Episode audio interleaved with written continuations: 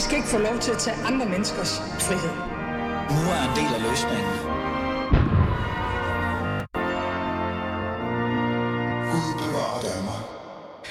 Velkommen til, øh, ja, Alis Fæderland. Mit navn er som altid Ali er min Ali, og de næste to timer skal jeg underholde dig med et eller andet, som altså potentielt, eller måske, eller jeg mener i hvert fald, er meget vigtigt for Fæderlandet. Den første time, der sætter vi sådan lidt fokus på bandekrige, eller bander for den sags skyld. Fordi jeg har en bog her foran mig, jeg finder den lige frem her, der står Bandekrigerne fra Blågårds Plads. Det er det, vi skal bruge lidt tid på de næste 55 minutter. Og det er også titlen på en kommende bog, øh, der udgives. Jeg ved faktisk ikke, om det er på fredag eller hvad den er. Det spørger manden, der står her i studiet med mig. Om den famøse og forbudte, vi skal også lige huske forbudte, bandegruppe. Jeg ved ikke, om vi skal kalde dem gruppen. Det finder vi nok også ud af. Loyal til familie. Bogen fortæller en historie om en ung mand med en drøm. En drøm om at ændre den kriminelle underverden. Så underverdens hierarki om at overtage magten med rå vold, brutalitet, men også organisering. Altså sådan en helt simpel dansk fagforeningsagtig organisering. I dagens øh, første time, som sagt, har jeg inviteret bogens forfatter, Carsten Norton, i studiet, for at give mig og give jer et indsigt i en af Danmarks nok mest berygtede bandegrupper. Du lytter til fædrene, som altid. Lad os komme i gang.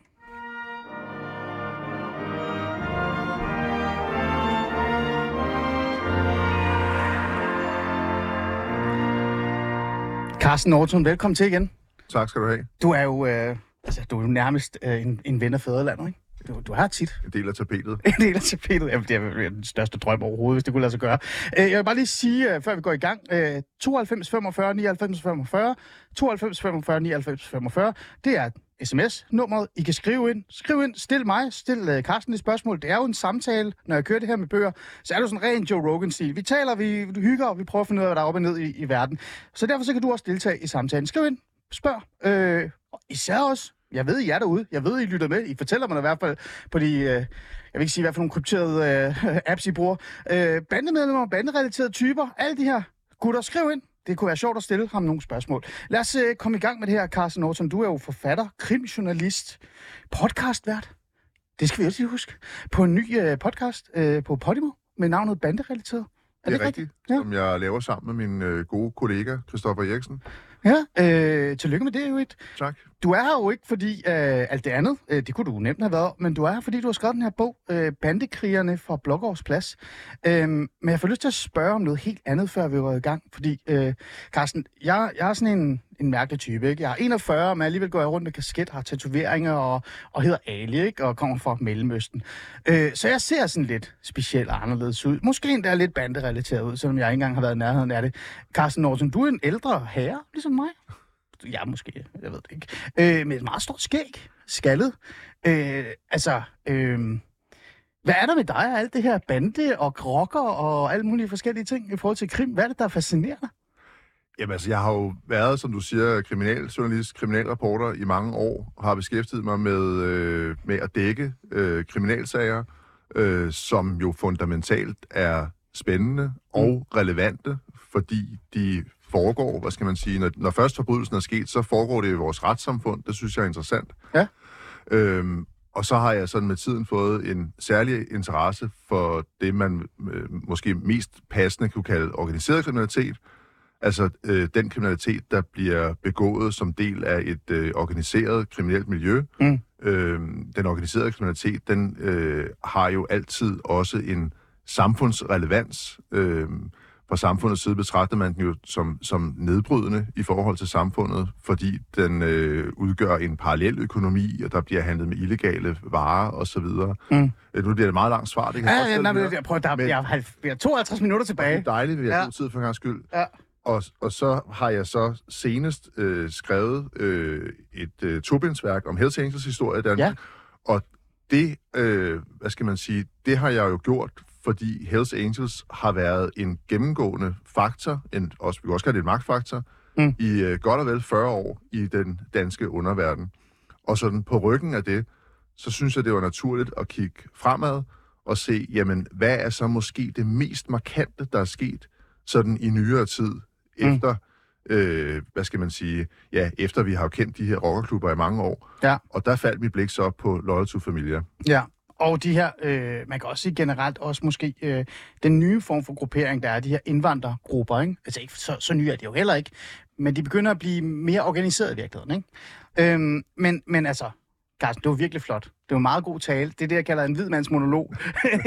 Øh, og meget fagligt også. Øh, lad os lige glemme faglighed. Øh, er der også noget fascination i forhold til menneskerne? Fordi du siger, du er krimreporter, og jeg ved, at du har kilderne i orden, så du taler også med rigtig mange af de her mennesker.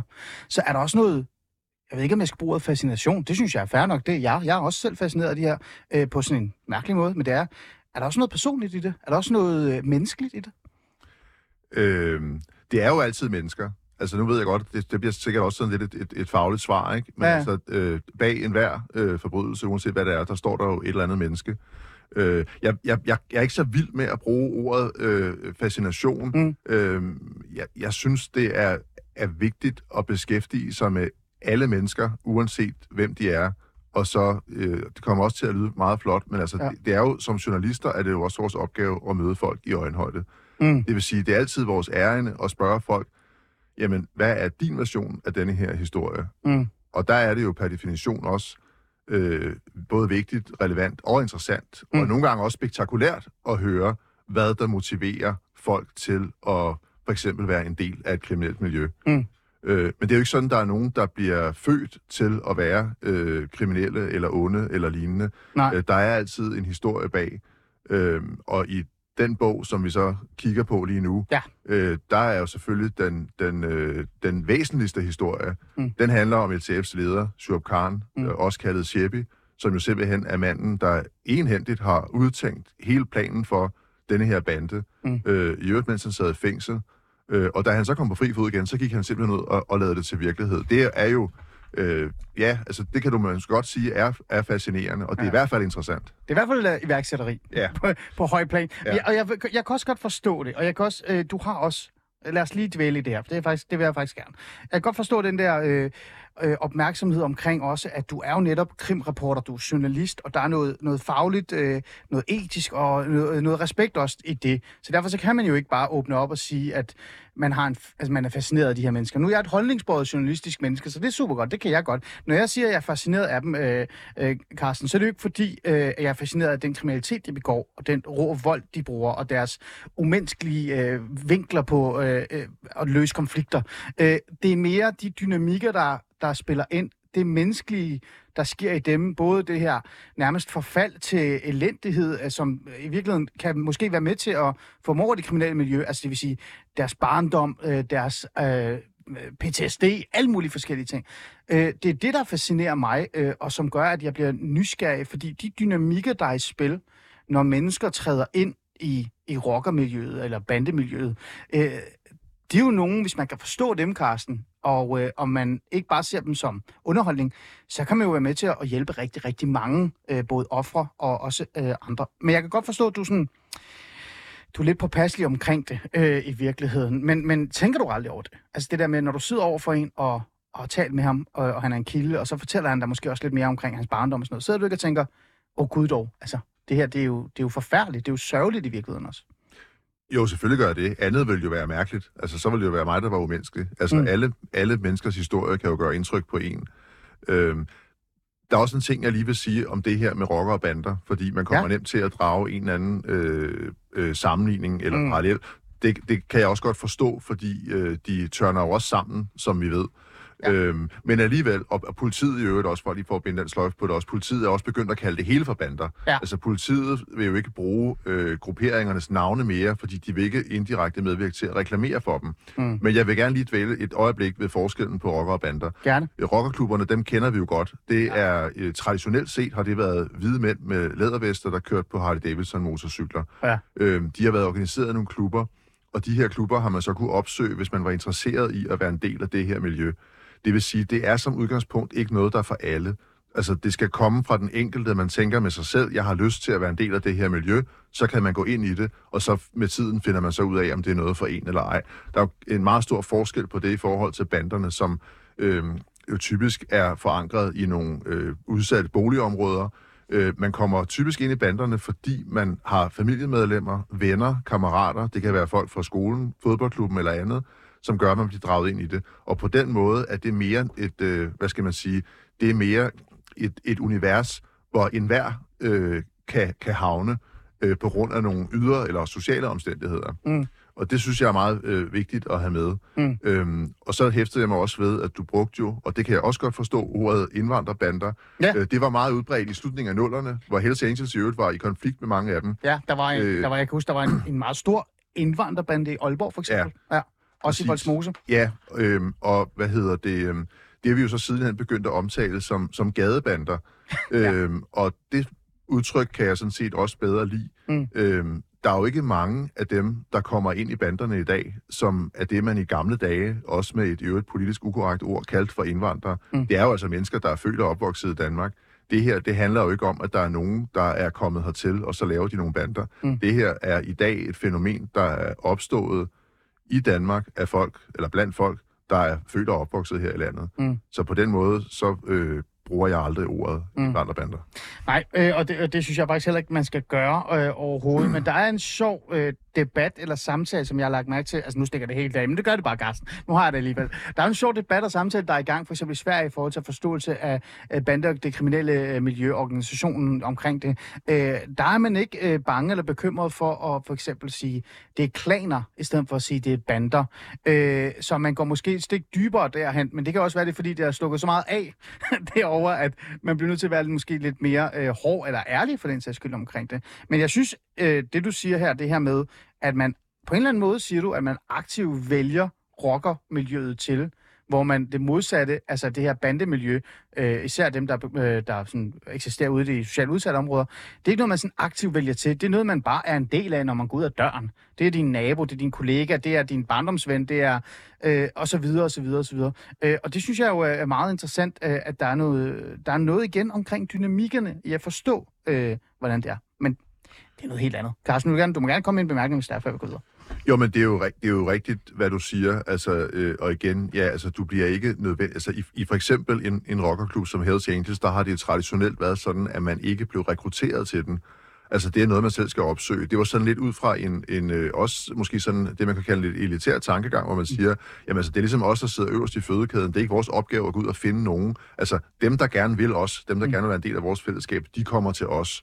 Øhm, Omvendt så ved vi, at der er mange, øh, der, øh, der bliver rekrutteret til banderne, øh, måske også egentlig uden de selv er klar over det. Mm. Altså det er sådan et, et øh, hvad skal man sige, et, et meget udbredt billede på, hvordan det kan foregå. Det er jo, at man bliver bedt om at holde noget for Ja. nogen, man kender. Ja. Kan du ikke lige holde den her rygsæk for mig til i morgen? Ja. Øh, og, og det ligger sådan lidt i luften. Du behøver egentlig ikke at åbne den og se, hvad der ligger i den. Du kan bare lige holde den under sengen, så kommer der nogen og henter den. Ja. Og så kan det ligesom køre op eller ned derfra. Pludselig så står du måske og holder vagt på et hjørne og skal råbe, hvis der kommer nogen, man, øh, man ikke er interesseret i, kommer ind i kvarteret og så videre. Mm. Og på den måde, så, sådan, ja, så bliver man pludselig netop banderelateret. Mm. Øhm, Ja. og, og øh, om man så bliver medlem eller ej, det er måske en anden snak, mm. men der er utrolig mange niveauer for, hvordan man kan være i en, øh, en bande. Mm. Øhm, Ja. ja. Ja, men det, er- det er super spændende og interessant, og det er jo ikke lige derfor, jeg havde dig med i studiet. Men jeg blev bare lidt nysgerrig, da jeg sad og sådan, skulle bare sådan kigge igennem øh, altså din bog, og så kom jeg i tanke om, at han har også skrevet andre bøger, jeg har læst. Og så kiggede jeg, og så skulle jeg se, du har skrevet noget om øh, spioner for lang tid siden. Ja. Er noget tid siden. Super god bog i øvrigt. Men, tak, tak. men øh, så kom der bare sådan en, en interesse for det kriminelle miljø. Øh, og så, så tænkte jeg, at jeg skal også spørge ham. Jeg bliver nødt til at spørge ham. Øh, din kollega, eller din tidligere kollega, Suni Fischer, jeg har altid hørt sådan en myte om, at han bare var postbud. Og så landede han lige pludselig i det kriminelle ved, Han kørte bare rundt med posten, og så mødte han en masse mennesker, han lærte at kende. Og så senere så blev han journalist, og så fandt ud af, at mange af dem var kriminelle. Sune, undskyld, men det, det er en myte, der kører om dig. Det må du selv forholde dig til. Og, Og, og så og myten er jo altid bedre end historien. det er nemlig det, ikke? Og så tænker jeg, er der måske en myte om øh, Carsten Norsen? Men øh, det er der måske ikke. Du har aldrig været kriminel, vel, Carsten? Har du, Ikke, har du ikke meget bekendt, nej. Nej. Ikke meget bekendt. Nej. Men man går jo mange ulovligheder, uden man ved det. Det ved Ja, jeg præcis. med næste gæst, der kommer. Men øh, nej. Nå, men lad os komme i gang med bogen.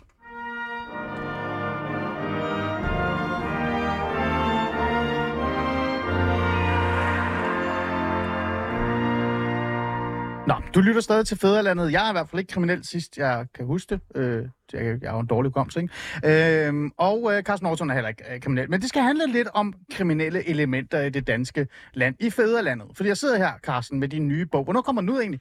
Den udkommer på tirsdag den 17. oktober. Oh, spændende. Så jeg er lidt heldig Det her. er lige til, i rette tid til efterårsferien. Jamen, det er perfekt. Det er overhovedet ikke timet til rettelagt. Øh, Bandekrigerne for Blågårds Plads hedder den. En historie om Loyal til familier. Øh, vi skal jo tale den her bog, eller om den her bog, og vi skal jo tale om Loyal til familier. Men lad os lige starte med titlen. Det synes jeg faktisk er meget sjovt. Øh, jeg ved jo nok godt, hvorfor. Det er der også nogle af jer andre, der har hørt Carsten øh, tale om det her miljø. Øh, I kender det sikkert også godt, øh, hvorfor. Men hvorfor er det egentlig, til jer der er derude, der ikke ved det, hvorfor er det, at den her bog hedder Bandekrigerne for Blågårds Plads, og ikke en historie om Loyal til familier? Ja, øh, godt spørgsmål. Øh, Det var så let. Det, det hedder den, fordi lige præcis øh, Blågårds Plads øh, har jo i årtier øh, været i fokus for det, man kunne kalde øh, gadebandernes eksistens i, øh, i København og Storkøbenhavn. Der er mange, der sikkert stadigvæk kan huske øh, karakterer som øh, Store A og Lille A, mm. der fra i hvert fald slut 90'erne op gennem nullerne var ledende skikkelser på det, der, øh, altså det, i det, der dengang blev kaldt øh, Blågårds Pladsgruppen eller Blågårds Pladsbanden. Øh, den gruppe, det var jo ikke sådan en, øh, det var ikke en bande, der havde logoer og, og caps med navnetræk på, eller lignende, eller, eller sweatshirts med, med logoer og den slags på. Nej. Det var mere sådan, hvad skal man sige, det var mere mafiaagtigt. Det vil mm. sige, man vidste hver især godt, hvem man var. Man vidste godt, hvem der bestemte. Ja. Der var en eller anden form for social hierarki, som man ikke satte sig op imod. Alle, der boede i kvarteret, de vidste godt, at øh, om der er nogen, der ligesom har gang i noget andet, de kører deres egne ting osv. Mm. Øhm, så på den måde, så, så var der ligesom en form for bandeaktivitet i det her område øh, i forvejen. Og det Mm. synes jeg er en, en væsentlig del af historien, også om Loyal to Familia, fordi uden den forhistorie havde der formentlig ikke været noget LTF. Mm. Mm. Altså LTF er simpelthen, hvad skal man sige, opstået på et fundament af noget, der egentlig var der i forvejen, og så har man så bare valgt at opføre det med en anden arkitektur. Øhm, prøv at beskrive egentlig, hvad, hvordan Blågårds Plads ser ud til vores lyttere, fordi nu nævner du Blågårds Plads. Du Ja. forklarer os, øh, hvorfor egentlig, hvad begrundelsen er, og den historie, man skal huske at have med i virkeligheden. Ja. Øh, men der er jo mange lyttere derude i Fæderlandet, som ikke bor i København, heldigvis Ja, for ja. det. Øhm, så hvordan ser Blågårds Plads egentlig ud? Øh, Blågårds Plads er jo et rigtig dejligt område, der ligger lige midt i København. Hvis man kommer fra centrum, så kører man lige over Dronning Louises bro og drejer til venstre, så kommer man ned ad Blågårdsgade. En øh, fantastisk hyggelig gade med øh, caféer, butikker, liv døgnet rundt. Øh, masser af unge mennesker, der går i byen om aftenen osv. Mm. Øh, nede for enden af Blågårdsgade, øh, eller sådan på midten, der ligger der en stor plads, øh, hvor der ligger en øh, slags medborgerhus, Mm. øh, hvor, hvor folk de øh, samles. Det er en stor, åben plads. Øh, og så ligger den også i et område, som i gamle dage blev kaldt den sorte firkant. den sorte firkant? Øh, Den sorte firkant. Dem, der kan huske helt tilbage til, til 80'erne, vil huske, at dengang, der kaldte man Indre Nørrebro, øh, altså området fra, mm. fra netop Dronning Louises Bro og Søerne, øh, og så i hvert fald op til, til Assistens Kirkegård for den sorte firkant. Øh, det gjorde man, fordi der, øh, der var en masse øh, dårligt gammelt byggeri, som gamle Københavnerejendomme, uden øh, bad og toilet, og i mange tilfælde også varmt vand. Øh, og de blev så bortsaneret øh, mm. med tiden i det, der øh, blev kaldt byfornyelsen. Ja. Og i takt med byfornyelsen, så blev der også opført nogle nye ejendomme, og der var rigtig mange mennesker, der blev anvist boliger her. Mm. Øh, og det var i den periode, at øh, mange øh, nytilkommende borgere fik lejligheder her, Mm. og øh, på den baggrund så steg, øh, hvad skal man sige, koncentrationen også af, af, af, af borgere med anden etnisk øh, baggrund end dansk. Mm. Og det er jo så, øh, hvad skal man sige, det er jo så den, øh, den historie, der ligger øh, forud for det her kvarter, Ja. og som er afgørende for den beboersammensætning, der er. Mm. Men altså, i det hele taget, så er Indre Nørrebro jo et, øh, et, et dejligt sted, mm. og, og de fleste mennesker, der tager dertil, de vil jo slet ikke lægge mærke til, at der foregår nogen som helst form for kriminalitet.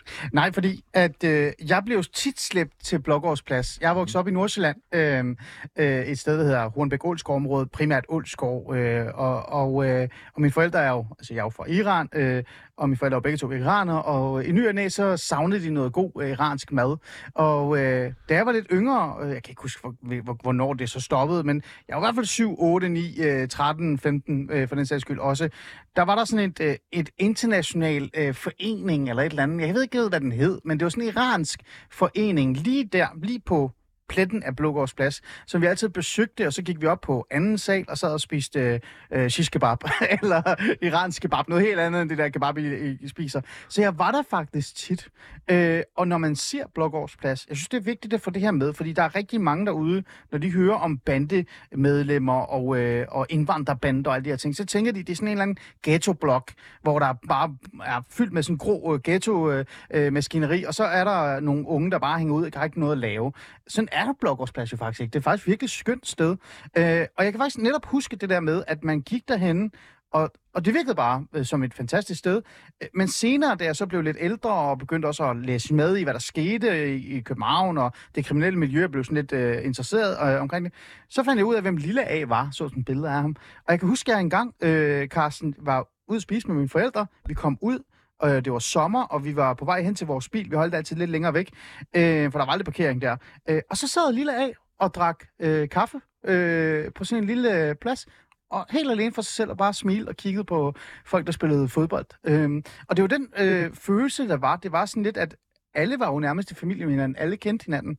Øh, men det er jo interessant, det du siger, det der med, at i gamle dage, før vi går i gang med at, at tale om øh, Shabby og hvad der så egentlig skete, så var det sådan lidt øh, mafia-agtigt. Øh, prøv at beskrive det der mafia fordi det, det var jo også styret af en, af en familie, ikke? Øh, er det ikke rigtigt? Jo, altså man kan sige, at de her to brødre, de kom i hvert fald til Øh, altså, hvis vi først skal, skal ned sådan af altså, den, den historiske allé, ja, bare lige kort, så, bare lige kort. Så, så kan man sige, der har været, altså begrebet drengene fra Blågårdsplads, det kender man faktisk helt tilbage fra slutningen af 60'erne. Øh, der hed de nok ikke øh, Abde eller Mohammed, der hed de formentlig Mogens og Leif eller noget lignende, men det var stadigvæk, Blågårdsplads var stadigvæk et kvarter, hvor alle ligesom kendte deres plads, og alle vidste, øh, hvem der var hvem.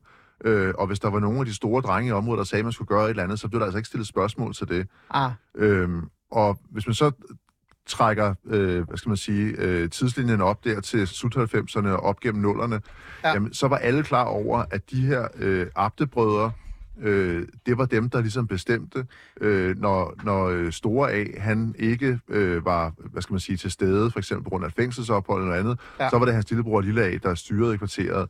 Hvis øh, der var noget ballade i området, øh, så var det også dem, man gik til og spurgte, kan I ikke lige prøve en gang at få styr på jeres drenge? Mm. Og en af de øh, anekdoter, der er, det er jo en gang, hvor øh, hvad hedder det, politiet gik til Store A og sagde, øh, der er simpelthen noget ballade med nogle af de her helt unge fyre i området.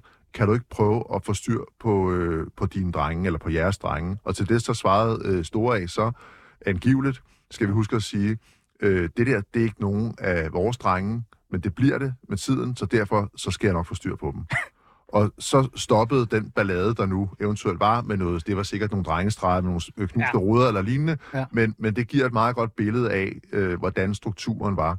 Og de her aftebrødre har også medvirket til at løse nogle forskellige øh, konflikter i, i anden forbindelse. Mm. Øh, der var en dansk imam i området, for eksempel, øh, ja. Wahid Abdi Petersen, ja. øh, som øh, der var noget knas i forbindelse med et eller andet supermarked. Mm. Øh, og der var det også sådan, at øh, Abdi Petersen han gik til, til Abdebrødrene og så blev denne her sag ligesom løst. Det var en del kontroverser dengang, men altså, det var sådan ligesom, det var dem, der var go-to-personerne, hvis der var ballade med alle de unge drenge fra pladsen. Mm. Og nu ved vi jo ikke rigtigt, om øh, en af de unge drenge på pladsen øh, dengang var Shabby, som vi skal tale om nu. Men det kunne det jo snilt øh, være øh, i virkeligheden. For lad os gå videre i både bogen, men også fortællingen, historien om Blågårds Plads. Øh, jeg vil bare lige sige her, Carsten, jeg har jo læst din bog øh, øh, hen over weekenden, og, øh, og jeg synes jo, det er en fed interessant bog, men det er også lidt en historie om, hvordan altså Blågårds Plads har været med til at føde en af de mest brutale øh, hvad hedder det, bander. Og derfor bliver sådan lidt, jeg synes, at hele, det hele skal med i virkeligheden, ikke? Miljøet i bund og grund. Og det går jeg jo meget op i som en af de der socialrådgiver-typer, ikke? Det ved du alt om. Øhm, men øh, Sheppi, øh, er han egentlig fra Blågårds Plads? Bare til vores lytter. Han er fra en af de omkringliggende veje. Mm. Altså nu, nu øh, skriver jeg jo, det ved du også, som øh, journalister, så ja. skriver vi jo ikke sådan folks adresser. Nej, men nej. han er, øh, han er øh, opvokset øh, på det, man kalder Blågårdsplads området, altså mm. en af de omkringliggende øh, veje, der, der ligger helt tæt op til pladsen. Øh, sådan helt kort, så er hans øh, baggrund, at han øh, har en far, mm. der som øh, teenager kom til Danmark, og i første omgang flyttede til Albertslund. Øh, han arbejdede, han blev, øh, han havde et godt hoved, mm. øh, har et godt hoved, Så han blev hurtigt øh, den person, som øh, andre med pakistansk baggrund gik til, hvis de skulle have hjælp i forhold til at kontakte myndigheder og den slags. Øh, Mm. Hvad hedder det? Shebis far hedder Walid Khan, Ja. øh, og han er Politiker? han blev sidenhen øh, lokalpolitiker mm. i. København, og han var altså hurtigt til at, at, at lære dansk og dygtig til at begå sig øh, i samfundet osv., og, og han blev formand for en øh, pakistansk forening. På et tidspunkt, der øh, flytter familien så til, til Indre Nørrebro. Øh, de får en lejlighed i kvarteret, og det er så her, øh, Shuab Khan, eller Shebi, som han så bliver kaldt, han kommer til at vokse op. Mm. Altså, så på mange måder en helt klassisk historie om en, øh, en mand og hans øh, hustru, der kommer til, til Danmark for mm. Mm. at skabe sig en, en ny øh, og måske bedre tilværelse, end de havde kunnet forvente, der hvor de nu kom fra. Ja. Øhm, og så bosætter de sig så i det her område og, og får en, øh, en stor familie. Og man må jo, altså, øh, man kan jo tale meget om Walid Khan, øh, politikeren, øh, tidligere politiker. Øh, han har jo en meget lang historie, men man kan jo godt sige, at han var en succesfuld herre. Altså, det var jo en succesfuld familie, som faktisk fik rigtig meget ud af, af, af ingenting, for netop at komme som, øh, som, altså udefra. Øh, og han fik jo den her søn, øh, som vi snakker om, øh, som bliver kaldt Shebi, øh, som faktisk også var medlem af Venstre Ungdom. Når du siger, at han havde øh, hovedet skruet godt fast. Øh, manden, der teknisk set, øh, eller ikke teknisk set, skabte Loyal til Familie, var også politisk aktiv som ung. Det er rigtigt, ja. Øh, hvad hedder det? Så, så det er jo et interessant øh, væsen, der et eller andet sted øh, bevæger sig hen i en, i en drøm, som man ikke kunne forudse. Hvad, gør, hvad er det, der gør, at Shebi Khan beslutter sig en dag for at sige, nu vil jeg skabe altså, en organisation, som er hårdere og mere brutal end noget, vi nogensinde har set før. I hvert fald inden for bandemiljøet. Ja, altså han vokser jo netop op i det her område og kan se de her, øh, hvad hedder det, lederskikkelser øh, begå sig. Øh, han øh, bliver beskrevet som, som, som dreng, som teenager, som en, øh, hvad skal man sige, sådan lidt udadreagerende type. Han er god til at spille fodbold, han er, han er vældig i skolen. Øh, hvad hedder det, på et tidspunkt, øh, så øh, ender han så i midlertid med at få en ret lang fængselsstraf. Mm. Øh, som ung, der er han til en øh, fest op hos øh, nogle folk fra Banditers i Aalborg. Øh, og i forbindelse med den her fest, der havner han på en natklub, diskotek, hvad man nu vil kalde det for, og ryger sammen med nogen i klammeri med en anden gruppe unge. Mm. Der er så nogen fra, øh, fra den anden øh, gruppe af unge mennesker, der altså bliver, bliver øh, ja, tævet ihjel, for nu at sige det som det er. Mm. Øh, og denne her episode, den øh, koster altså så Shebi en, en ret lang fængselsstraf. Mm. Øh, Øh, ja, Det er så vigtigt at sige, at, at øh, inden han, han ryger ind i fængslet, der har han øh, set en film, der hedder Blood In, Blood Out. som er, fortæl gerne til, til vores lytter, der ikke ved, hvad det er for Ja, noget. for dem, der ikke lige har set den, så Ja. er det sådan en 90'er klassiker inden for det, man kunne kalde Chicano øh. Øh, og den handler jo så om øh, ja, sådan nogle folk med, med øh, meksikansk baggrund øh, i Los Angeles, der starter en øh, gadebande. Ja. Titlen Blood In, Blood Out, den øh, hensyder til, at man kommer ind i banden øh, ved at slå ihjel, og man kommer kun ud af banden ved selv at blive slået ihjel. Mm. Og det er ligesom det dogme, øh, Shebi han har siddende i baghovedet, da han så inde i fængslet begynder at udtænke planerne for den bande, han selv vil starte. Mm. Øhm, men for at kunne gøre det, så skal han jo finde ud af, hvad han så skal gøre med den gamle mafiagruppe, som vi så kalder den på en eller anden måde, lille og store af. Øh, hvad er det egentlig, der sker, når, når Sheppi så øh, møder, eller et eller andet sted skal forholde sig til det? Jamen, en af de ting, som, øh, som har været kendetegnende for det her bandemiljø i København, øh, inden øh, Sheppi, eller frem til egentlig, at Sheppi, han, han ryger bag trammer, det er, at det er, er meget sådan øh, fragmenteret. Altså, der er, som vi har været inde på, en gruppe fra Blågårds Plads, øh, de er nu engang dem, de er. Mm. Så er der nogle andre steder rundt om i København, hvor der er nogle andre grupperinger, for eksempel Lundtoftegade, øh, Ja. Tingbjerg, Mjølnerparken osv. Hvis vi lige breder øh, Københavnerkortet ud til ja. også at omfatte de nordlige forsteder, så er der også en gruppe i Kokkedal, for eksempel. Niveau Kokkedal, Kokkedal, ja. Øhm, og øh, mens øh, Shoaib Khan han, han øh, sidder i fængsel, øh, der har han jo øh, god tid til at opbygge alliancer til de andre øh, grupper, repræsentanter for dem, som ligesom ham øh, sidder inde bag murene.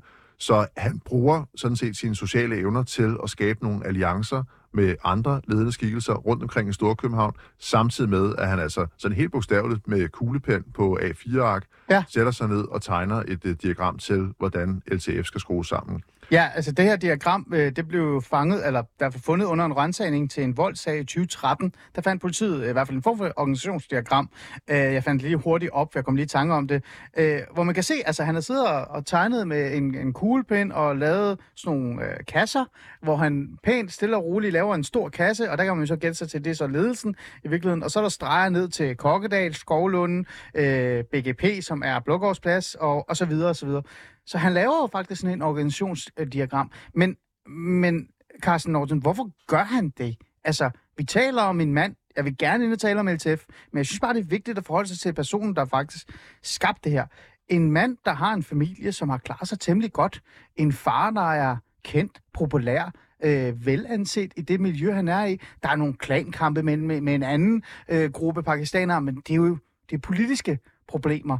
Han er jo, han er jo ressourcestærk, men alligevel så sætter han sig ned efter en, en, en grov øh, dom øh, i fængsel og siger, nu går jeg all in. Hvorfor tror du det? Hvad, hvad, hvad er din viden omkring det? Altså det, han jo selv har sagt om det her, det er, at han vil lave et broderskab. Altså, han vil lave et øh, broderskab, der skal omslutte, øh, ja, i virkeligheden hele landet, og også have afdelinger i udlandet. Han øh, indsætter sig selv som det, han kalder øh, El Presidente, mm. altså igen med en reference til sådan øh, syd- og mellemamerikanske øh, bandestrukturer. Ja. Altså, han er simpelthen i, interesseret i at overtage øh, tronen i underverdenen. Han får også sagt til en øh, fængselsbetjent, mens han sidder og afsoner, at øh, HA Banditers, de skal til at passe på, fordi vi kommer til at blive meget større end dem alle sammen. Mm. Altså, han har en ambition om at placere sig selv i toppen af underverdenen, og egentlig også udradere de andre. Mm. Øhm, det hører også med til, til den historie, at mens han sidder inde, så øh, er der et par øh, unge mænd, der på tragisk vis bliver øh, dræbt i nogle af de områder, som øh, Shoaib Khan skal man sige, betragter som øh, sin hjemmebane. Ja. Der er en øh, ung fyr, der bliver øh, dræbt øh, i en forstad til København, og der er en anden ung fyr, der i 2011 bliver dræbt inde på Blågårdsplads, hvor man altså mener, at øh, pilen peger mod det, der dengang hed Værebros hårde kerne. Altså en anden bandegruppering fra sådan det, det nordvestlige København, mm. som Blågårdsplads traditionelt har haft et øh, konfliktscenarie med. Så altså, bare lige for at samle op, han kommer ind i fængslet, har sine, hvad skal man sige, øh, forbilleder for denne her film i baghovedet, Ja. sine drømme om selv at skabe noget andet og større, hvor det skal være ham, der er leder. Mm. Og så kan han så inden fra sin fængselsstelle følge med i, at der ude på gaden er nogle af dem, han opfatter som sine egne brødre allierede, mm. der bliver dræbt af noget, der ligner en fjende. Mm. Så med andre ord, den dag han så kommer ud af fængslet, så har han jo en kæmpestor motivation til at skabe det netværk, det broderskab, han har drømt om, og så i øvrigt komme ud og hævne de her kammerater, der er så blevet dræbt mm. i mellemtiden. Så har han en vision, han har en vision, og så har han faktisk også noget, et eller andet sted, noget ære, han skal forsvare i virkeligheden. Det er jo den perfekte cocktail. Men øh, så lad os gå ind i, i uh, Loyal til Familias, uh, så et eller andet sted, rise, ikke? Uh, fordi det han så gør, det er, når han kommer ud af fængsel, så vil han jo også på en eller anden måde vise over for alle de andre uh, bander, at han er bedre og større, og faktisk også mere voldsparat end dem. Uh, det gjorde hurtigt meget op for mig, for jeg hørte fra unge øh, i Aarhus, at der er kommet en gruppering, der direkte siger, enten er du med os, eller også er du imod os. Øh, prøv at fortælle lidt om den, øh, både organisation, men også den kodex, øh, øh, hvad hedder det, øh, Shabit øh, indfører i, i, i den her, det her Loyal til Familie øh, organisation. Ja, altså han bliver løsladt her i november 2012, øh, og allerede i den første tid efter det, der får han samlet nogle af de her andre grupper omkring sig, altså Tingbjerg, Kokkedal og så videre, øhm, og får lavet, hvad skal man sige, øh, de første strukturer af det, der bliver til LTF. Mm. Der bliver lavet øh, hættetrøjer med logo på ryggen. Der er jo rigtig mange, der vil kunne huske de her LTF-hættetrøjer, ja. det gik med dengang. Sort, hvid skrift, LTF. Ja, og så et, et, et kranie, der er maskeret med bandana, ja. og så med to øh, skudklare øh, pistoler på ryggen. Mm. Øhm, Igen meget meksikansk øh, Ja, endnu meget inspireret, ikke? af, mange vil også kende den bande, der hedder MS-13, der også benytter Præcis. sig af, af noget tilsvarende. Ja. Øhm, men altså, i stedet for, ligesom, hvad skal man sige, kun at benytte sig af de drenge, der i forvejen er på pladsen, så samler han også øh, folk øh, ude fra periferien, og får dem til at bidrage med at starte den her bande. Mm. Og det er faktisk, øh, synes jeg, har været interessant at, at dykke ned i den del af historien. Hvorfor? Fordi Fortæl. til at begynde med, Ja. ja. så står politiet faktisk sådan lidt spørgende over for det her. Jo vant til øh, det gamle, det vi har talt om, Ja. øh, det gamle netværk, hvor man ikke går med logoer, hvor, man, Ja. hvor, hvor alle er lokale. Ja. Pludselig så støder de på folk, der udøver en eller anden vagtvirksomhed, som tydeligvis aldrig før har sat deres ben på Nørrebro før. Mm. Øh, det er, er, er nogle unge fyre øh, fra, ja, fra Kokkedal og fra Tingbjerg og lignende, der har fået at vide, I skal lige stå og holde vagt her, øh, ja. og i øvrigt ikke stille nogen yderligere spørgsmål. Det undrer politiet.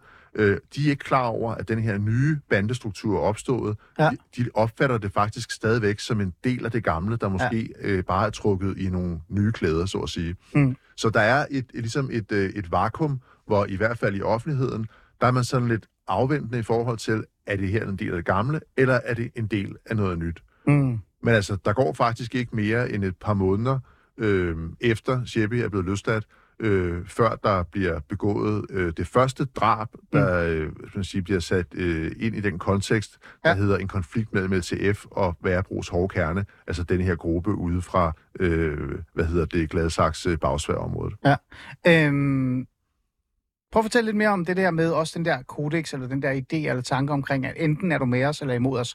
For jeg sidder også og tænker, altså lidt ligesom politiet tænkte dengang, at jamen, det kan jo ikke være rigtigt, fordi alle de her, de, de er jo ikke venner med hinanden, de er jo bekæmper jo hinanden, de, øh, de kan jo ikke lide hinanden, fordi de holder sig til deres lokalområde, øh, de er mere interesserede i uh, Tingbjerg og deres egen ghetto-blok og sådan noget. En forståelig en tænkning, men, men generelt bare sådan, hvordan kommer en, en, en mand fra direkte fra fængslet, bare med et organisationsdiagram, ind og siger, prøv at høre her, nu skal I være en del af min organisation. Altså, det er jo ikke, fordi han tegner flot, øh, eller kun har et godt hoved. Øh, var der noget nyt, noget rå, øh, noget vold, noget et eller andet voldsparathed, der kom ind og overraskede alle, også øh, Kokkedal, Skovlund og de andre? Jeg tror, der der er flere niveauer i det. Det ene, det er, at han har jo formået at opbygge de alliancer, han nu har inden fra, fra fængslet. Det vil sige, når han går ud, så ved han, at han har noget opbakning fra nogle andre kvarterer også, og dem kan han så samle rundt om sig. En anden del ting er, at øh, man begynder også hurtigt at øh, øh sådan identificere en række hvad skal man sige, nye kriminelle handlinger i området omkring Blågårdsplads. Ah, der er nogle øh, bordeller, der bliver afpresset, der er, er nogle forskellige altså, øh, voldsepisoder osv. Mm. Denne her gruppe be- bemægtiger så også et, øh, et sted, der hedder Folkets Hus, øh, som er sådan et, øh, ja, sådan et beboerhus, hvor man kan komme og lave forskellige ting og sager. Der etablerer LTF så næsten som sådan en, en slags klubhus. Øh, så, så sådan, bare de får at summe de to ting op. Han Ja. har alliancerne i orden. Der bliver hurtigt startet en, en bølge af, af, af kriminelle forretninger, som de øh, profiterer ud af. Og så er der den, den, det tredje ben i, i den her ligning, som er nok så vigtigt, det er, man udpeger hurtigt en fjende, som man går i konflikt med, nemlig Værebros hårde kerne. Og hvis der er en ting, øh, vi ved kan medvirke til at opbygge en intern øh, Mm. styrke og loyalitet, så er det, at man har et meget, meget tydeligt øh, fjendebillede over for sig. Mm. Altså, man, man, man, man, går, man går sådan målrettet ind i konflikten. Det tror også, det står på bogens bagsidetekst. Den er fyldt ud af konflikt. Øh, man går målrettet ind i en konflikt med Værebros hårde kerne. Det skaber et kolossalt sammenhold i sådan en gruppe her af unge mennesker. Vi ved, hvem fjenden er. Dem skal vi vinde over. Og lad os gå til konflikten øh, med det samme, fordi efter den her store konflikt med, med Værbros hårde kerne, så kommer der jo også flere konflikter. Øh, jeg vil ønske, jeg havde tre timer med dig, men det har jeg ikke. Så lad os bare gå stille og roligt igennem de her øh, konflikter, vi så godt vi nu kan, fordi der, der er Værbros kerne, der er også en lille smule med Brothers, uden rigtig at være det. Øh, I hvert fald noget, noget snak om det, men, men det er jo små ting. Så begynder man at tænke Aarhus, så tager man over til Aarhus og vil gerne ekspandere der. Så er der nogen, der hedder for eksempel øh, hvad hedder det, Hells Angels, der står og kigger på og tænker, hvad er det her for noget? Hvor kommer det her fra? Hvad er det, de vil med os? Og hvad, altså, så hele de her konflikter, der stille og roligt selvfølgelig opbygger hans organisation, gør ham stærkere, øh, skaber en eller anden, sådan, du ved, en man kan gå imod sammen. Øh, så godt kan det heller ikke være det hele. Gør det ikke også, gør det ikke også svært i virkeligheden? Fordi konflikt kan også være, nu siger jeg det ærligt, dårligt for business. Jo, altså man kan sige, altså øh, de tidspunkter, hvor, hvor vi andre, altså ude i offentligheden, øh, lægger mest mærke til banderne, det er jo, når de er i konflikt med hinanden. Ja, det er, når der bliver Direkte på krig, gaden. ikke? Ja. ja. Øh, du nævnte selv konflikten med Brothers i, Ja. ja. i 2017, hvor der var vildfarne kugler, øh, der ramte udenforstående. Ja. Øh, der var turister, øh, der kom til skade osv. Øh, det er der, vi alle sammen kan se, okay, der er nogle bander, og de slås med hinanden. Men jeg synes også, det er vigtigt at sige, konflikterne er jo ikke bandernes eksistens berettigelse. Nej. Øh, det er, kan være et, et, øh, en, en del af deres øh, vilkår, fordi de er i krig med nogle andre, men deres eksistensberettigelse eller grundlag, det er jo, er jo typisk de øh, kriminelle aktiviteter, der ligger et eller andet sted indenunder. Det kan være øh, kamp om øh, narkotikamarkeder, mm. det kan være kamp om hashmarkeder osv., men det er jo så først, når man så tørner sammen, at vi andre lægger mærke til, at de er der. Fordi i fredstid, jamen der kører tingene jo egentlig bare, som de måske sådan næsten altid har gjort. Og det er jo præcis det, øh, øh, øh, jeg prøver at, at lige tale med dig lidt om, øh, Carsten, fordi øh, det er jo interessant at læse om skyderierne og våben, og det er dårligt at sige, det er interessant, men det er jo det, krimistof er, ikke? Det gør jo folk spændte. Sådan et, åh oh, gud, hvad skete der? Hvordan var det, den her mand blev skudt? Hvad er egentlig konflikterne øh, bag de her ting? Men i sidste ende, så handler øh, LTF, vil jeg jo gætte mig til, ret mig gerne, Shabis øh, drøm, Shabis drøm og alt det her, det handler jo ikke om at være i krig. Det handler om at lave god business. En af de ting, jeg tit også har fået at vide, det er, Shabby er god til at lave business. Altså, så hvor, hvor, hvor stor en omsætning, ikke engang, jeg vil ikke sige tal, men hvor gode er egentlig LTF til et eller andet sted at skabe indkomst, eller trække indkomst ind i maskineriet i den her organisation, så alle kan være glade. Altså bliver de lige pludselig en af de største magtfaktorer også inden for det? Det gør de helt bestemt, ja. Øhm, og øhm, altså, de bemægtiger sig jo forskellige markeder, og senest har vi jo set, at de også har fået man kan næsten sige, møvet sig ind og har en, øh, en bod i Pusher Street, som jo er et af de mest øh, lukrative steder at være, i hvert fald inden for, for hashhandlen. Så, så på den måde, ja. Øhm, og de øh, under, hvad skal man sige, de underlægger sig netop også adskillige øh, kvarterer øh, og, og, og byer i denne her kamp. Øh, og som man kan sige, for lige at vende tilbage til, til Brothers, fordi det er måske det øh, fjendebillede, som de historisk har haft, som er gået mest direkte og, og frygtløst op mod dem, også i øvrigt.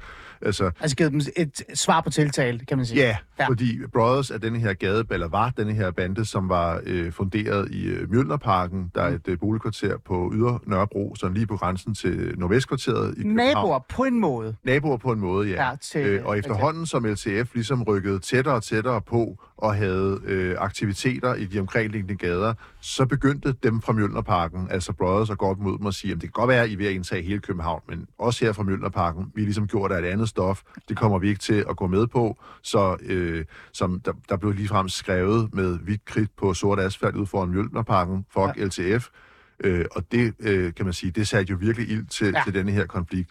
Så ja, altså det, det handler jo om at have områder, som man kontrollerer, hvor man har styr på handlen i de forskellige områder.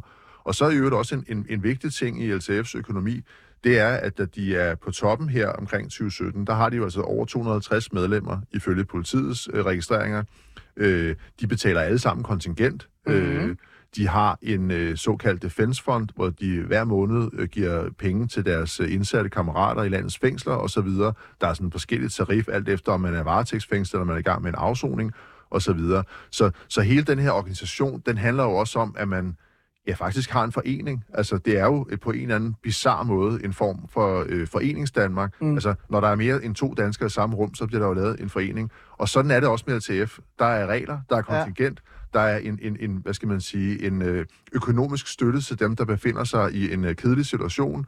Øh, der er ligefrem også regler for, hvordan man skal gebære sig, når man sidder i fængsel. Der står i, øh, i, i regelsættet at betragte som en lille ferie. Altså, du er væk fra gaden, du er væk fra skyderier. Og tag det med ro. Tag det med ro. Hold en lille ferie. Vi, vi har din ryg, og vi betaler dig. Så skal man selvfølgelig også vide, at der er også en forventning om, at man står til rådighed, når man så en dag kommer ud igen. Selvfølgelig, ja. Men det er jo interessant. Det er jo interessant. Og jeg synes bare, det er en af de ting, vi nogle gange, øh, eller der er ikke, jeg vil ikke sige, du gør, men andre glemmer at have med aspekten omkring LTF. Det er det der med, at altså, det handler jo om økonomi. Det handler jo om penge. Det handler jo ikke om at være i konflikt. Øh, men hvis vi går tilbage til konflikten, nu har vi fået den her del med, så er der jo en anden gruppering, en stor gruppering, en gruppering, som nogen vil mene, at, øh, altså, at Xavi nogen på en eller anden måde, i forhold til organisatorisk, har kopieret det har han nok ikke. Han har nok gjort det forskelligt. Uh, Hells Angels. Du har skrevet bøger om dem. De har jo været nummer et i meget lang tid. Ikke? Hvordan reagerer HA, Hells Angels, når de begynder at se sådan en mand som Chevy bygge det her organisations op og blive større og større og større? Uh, for mig udefra, bare lige hurtigt, uh, der virkede det som om, de var stille. Det var det også. Der har været nogle enkelte sammenstød, altså øh, en, en, en, øh, en omstændighed, som vi lige skal huske at få med, inden vi går helt op i nutiden, det er jo, at fra 2018, der er øh, LTF jo sådan de facto forbudt. Mm. Øh, det er den daværende justitsminister Søren Pape Poulsen, øh, som øh, får Københavns politi til at lave et øh, midlertidigt administrativt forbud mod LTF, og det sker altså som sagt i 18. Og så frem mod 21, så kører der denne her såkaldte forbudssag, der altså ender i højesteret med, at LTF bliver forbudt. Det, man kan jagtage, mens denne her øh, forbudssag den kører, det er, at LTF jo også i den periode havner i flere øh, konflikter. Mm. Øh, de er i en blodig konflikt med noget, der blev kaldt Husumgruppen, ja. øh, hvor der blandt andet er en, øh, et, et, øh, et drab på en, øh, en ung mand ude øh, ja, i Husum, øh, som for tiden bliver behandlet i landsretten. Øh, og så sidenhen, så har de også en øh, jeg tror, man kan tillade sig at kalde det en lidt mindre konflikt med HA's øh, støttegruppe AK81 og HA selv, som ligesom går i sig selv igen. Mm. Øh, det er ikke så forfærdeligt længe siden. Og så har vi så senest set den aktuelle konflikt, hvor LTF er i, i strid med, med HA. Øh, men, men det er jo også, øh, hvad skal man sige, det, de, de, har ligesom, øh, de har ligesom på en eller anden måde, om ikke tålt hinanden, så har de øh, samme eksisteret uden at ryge direkte i totterne på hinanden. Øh, men det, der er jo karakteristisk for konflikten med, med HA, det er, at øh, det jo formentlig er en konflikt, der primært rør, berører nogle, eller vedrører nogle tidligere medlemmer af gadebanden NNV, mm. øh, som altså har et andet konfliktscenarie med, med LTF. Mm. Og NNV er jo øh, opstået øh, i samme område, som Brothers var. Ja. Da Brothers nedlagde sig selv, så kom der ligesom en ny gruppe. Politiet gav dem navnet NNV, det tog de så til sig da den gruppe nedlagde sig selv, så var der en del af dem, der søgte over i, i Hells Angels og blev blandt andet prøvemedlemmer. Mm. Og der har, det har, dem har man nok blandt andet optaget sådan lidt ud fra en logik om, jamen altså hvis ikke de kommer ind hos os, så kommer de måske ind et andet sted. Så det er jo måske smartere at have dem tæt på, end, ja. at, end at have dem imod os. Øh, og så kan det godt være, det ved vi ikke endnu, fordi der er, altså, det er jo sådan lidt ubekræftet, men altså, det kan jo godt være, at man internt i en klub som Hells Angels synes, at det er måske lidt irriterende, at man er, har taget nogle mennesker ind, som havde noget gammel bagage med, øh, som, som nu har udløst den her konflikt, som vi er vidner til lige for øjeblikket. Ja, og vi kan godt smide nogle navne på dem, det lader vi bare være med, for det skal ikke handle om HA. Men, men det er jo fuldstændig rigtigt, men det jeg, jeg altid sådan lidt undrer mig lidt over, i forhold til øh, Loyal til Familias øh, Rise, og også forbud, som kom. Du gik rigtig fint selv ind i det, det er derfor, det er godt at have dig med. Øh, så kan vi nå det hele. Øh, det er jo, at nu står de jo så her og nu, 2023. De forbudte men de eksisterer stadig. Altså ideen og tanken omkring, som Søren Pape luftede dengang, at så, så forsvandt de. Det er jo bullshit. De findes jo. Nogen siger endda, der, der er faktisk en stået her i studiet og sagt, de er stærkere, end de nogensinde har været. Øh, så den her drøm, Sheppi startede med, øh, som så endte med, at han, altså, det blev forbudt, og han blev faktisk smidt ud af landet, øh, den kører jo stadig videre, så vidt vi ved. Så øh, har øh, Sheppe jo ret til at komme ind i landet igen i 2023 på et tidspunkt. Jeg kan ikke huske, hvilken måned det er. Øh, om man så gør det, det ved vi jo ikke. Det er der ingen, der ved. Øh, kun gissninger omkring. Men den her drøm eksisterer jo stadig. Altså, det er jo bygget på et fundament om at være den største og den stærkeste og de bedste og de mest voldsparate. Øh, Carsten Norton, du har skrevet en rigtig fin bog. Øh, nogle af de ting, som så du kan skrive en bog to om, det er, hvad fremtiden bringer for den her gruppe. Øh, det er gissninger. Men drømmen er jo ikke forsvundet, tænker du, eller hvad?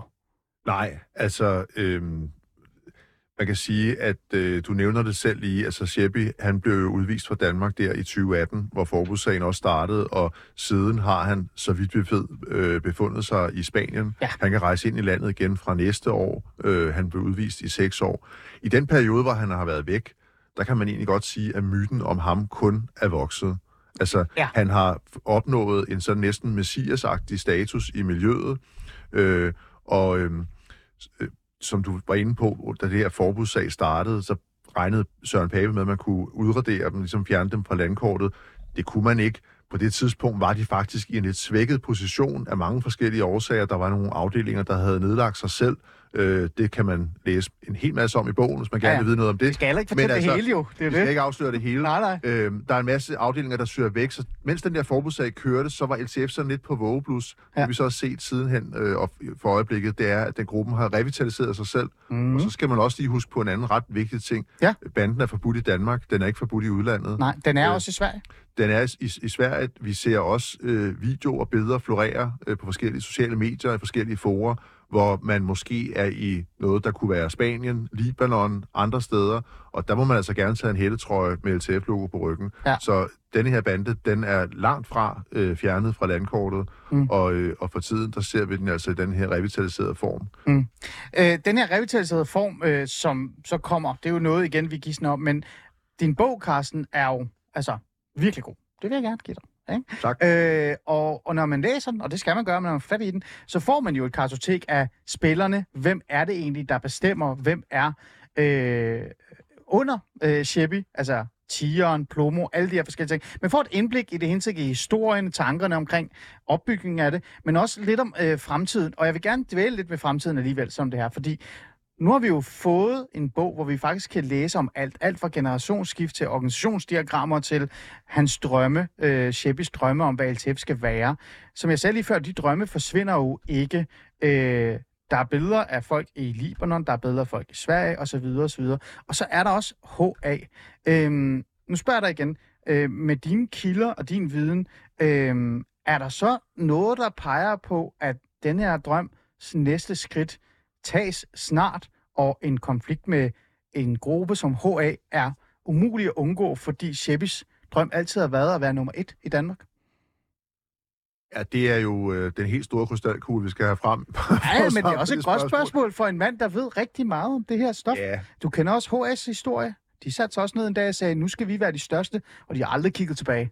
Nej, det er rigtigt, at vi har to grupperinger her, som begge to har den øh, vel, altså formulerede ambition om at være størst, og de er i konflikt med hinanden. Mm. Altså jeg tror, at øh, det er sådan lidt politikeragtige svar, jeg vil give på det. det er, at de fleste konflikter, eller Ja. krige, ja. de bliver ikke løst på slagmarken. De Nej. bliver løst ved forhandlingsbordet. Der har været nogle rygter om, at der er nogen, der har ragt ud til hinanden, og forløbig der er det blevet afvist. Ja. Øh, man kan sige, at, at heldigvis for det, så har vi ikke set øh, angreb øh, i et stykke tid nu. Øh, politiet Ja. har netop forlænget øh, lukningen af, af HA's forskellige tilholdssteder, så Ja. man betragter stadigvæk konflikten som værende i gang. Hvordan den slutter, det vil tiden vise.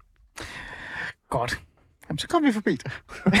Carsten Norton, øh, en fornøjelse at have dig i studiet. Øh, her til sidst, så får jeg lyst til at spørge dig øh, ind til det her. Du har dækket det her stof rigtig meget. Du har også dækket HA-stoffet. Jeg sagde også her i starten, øh, gutter derude, hvis I hører, så skriv ind til os. Jeg ved, I ikke skriver med jeres sms-nummer, men skriv et eller andet, gør et eller andet, hvis det er. Øh, hvordan er det her egentlig blevet taget, øh, altså sådan modtaget af folk fra miljøet? Jeg gætter på, at der er nogen, der skriver en ny til dig og siger, hvad så? Synes de selv, det er fedt at blive skrevet om? Det er også et godt spørgsmål. Altså, øhm, jeg, jeg plejer at sige, at de fleste mennesker kan godt lide at fortælle deres historie. De kan også godt lide at få deres historie fortalt. Øh, jeg bestræber mig selvfølgelig for at skildre, eller bestræber mig på at skildre så objektivt øh, som overhovedet muligt. Øh, så jeg vil da håbe, at øh, alle kan læse med og genkende det billede, jeg fremstiller. Mm. Meget politikersvar. Du er mere politiker end øh, journalist, synes jeg. Men det er rigtig flot, Carsten Norton. Øh, bandekrigerne fra Blågårds Plads kommer ud på tirsdag. Korrekt. Det er tirsdag. Øh, skynd jer ud og køb den, og læs den i jeres ferie. Den er, den er rigtig, rigtig god. Og så skal man også lytte med til... At komme med den. Kom så, du får noget reklametid. Hvad er det, den hedder? Banderelateret? banderelateret på Podimo. Ny episode hver onsdag. Jeg kan også lige skynde mig at sige, at hvis man gerne vil lytte til Bandekrigernes Blågårdsplads, så udkommer den selvfølgelig også som lydbog alle steder, hvor man kan streame sine bøger. Ja. Og øh, ja, jeg har også selv indtalt den. Har, jamen, jeg vil lige være at spørge, hvem har egentlig indtalt den? Men okay, det har du. Der kunne du godt have spurgt en eller anden med en udlandsk baggrund, ikke? Det er sådan lidt diskriminerende, Carsten. Gud, det er mine ord. det er fedt. Tusind tak, fordi du vil komme og fortælle om uh, det her. Hvad er det næste kapitel i den her historie om uh, Loyal to Familia bliver? Det er jo både spændende, men også i virkeligheden meget skræmmende. Jeg kan i hvert fald fortælle, at uh, jeg nævnte jo kort her, at der også har været nogle episoder i Aarhus med Brabrandbanden. Jeg kan i hvert fald sige, at øh, de unge drenge, jeg taler med i miljøet derfra øh, i Aarhus, de er i hvert fald spændte på, hvad der kommer til at ske, øh, når Shebi kommer hjem. For det er i hvert fald det, de alle sammen nærmest drømmer om, fordi han måske har fået den her myte, øh, den her legende-ting. Så vi må se, hvordan det går. Tak fordi I lyttede med, øh, som altid. Nu er der lige om lidt øh, nyheder, og så når jeg kommer tilbage, så har jeg en anden bog og en anden gæst i studiet. Dennis Nørmark skal ind og fortælle mig, om jeg virkelig er fri eller ej, eller om jeg i bund og grund er fanget af Mette Frederiksen og alle mulige andres øh, behov for at putte mig i rammer. Jeg ved det ikke. Det finder vi ud af. Nu er der nyheder.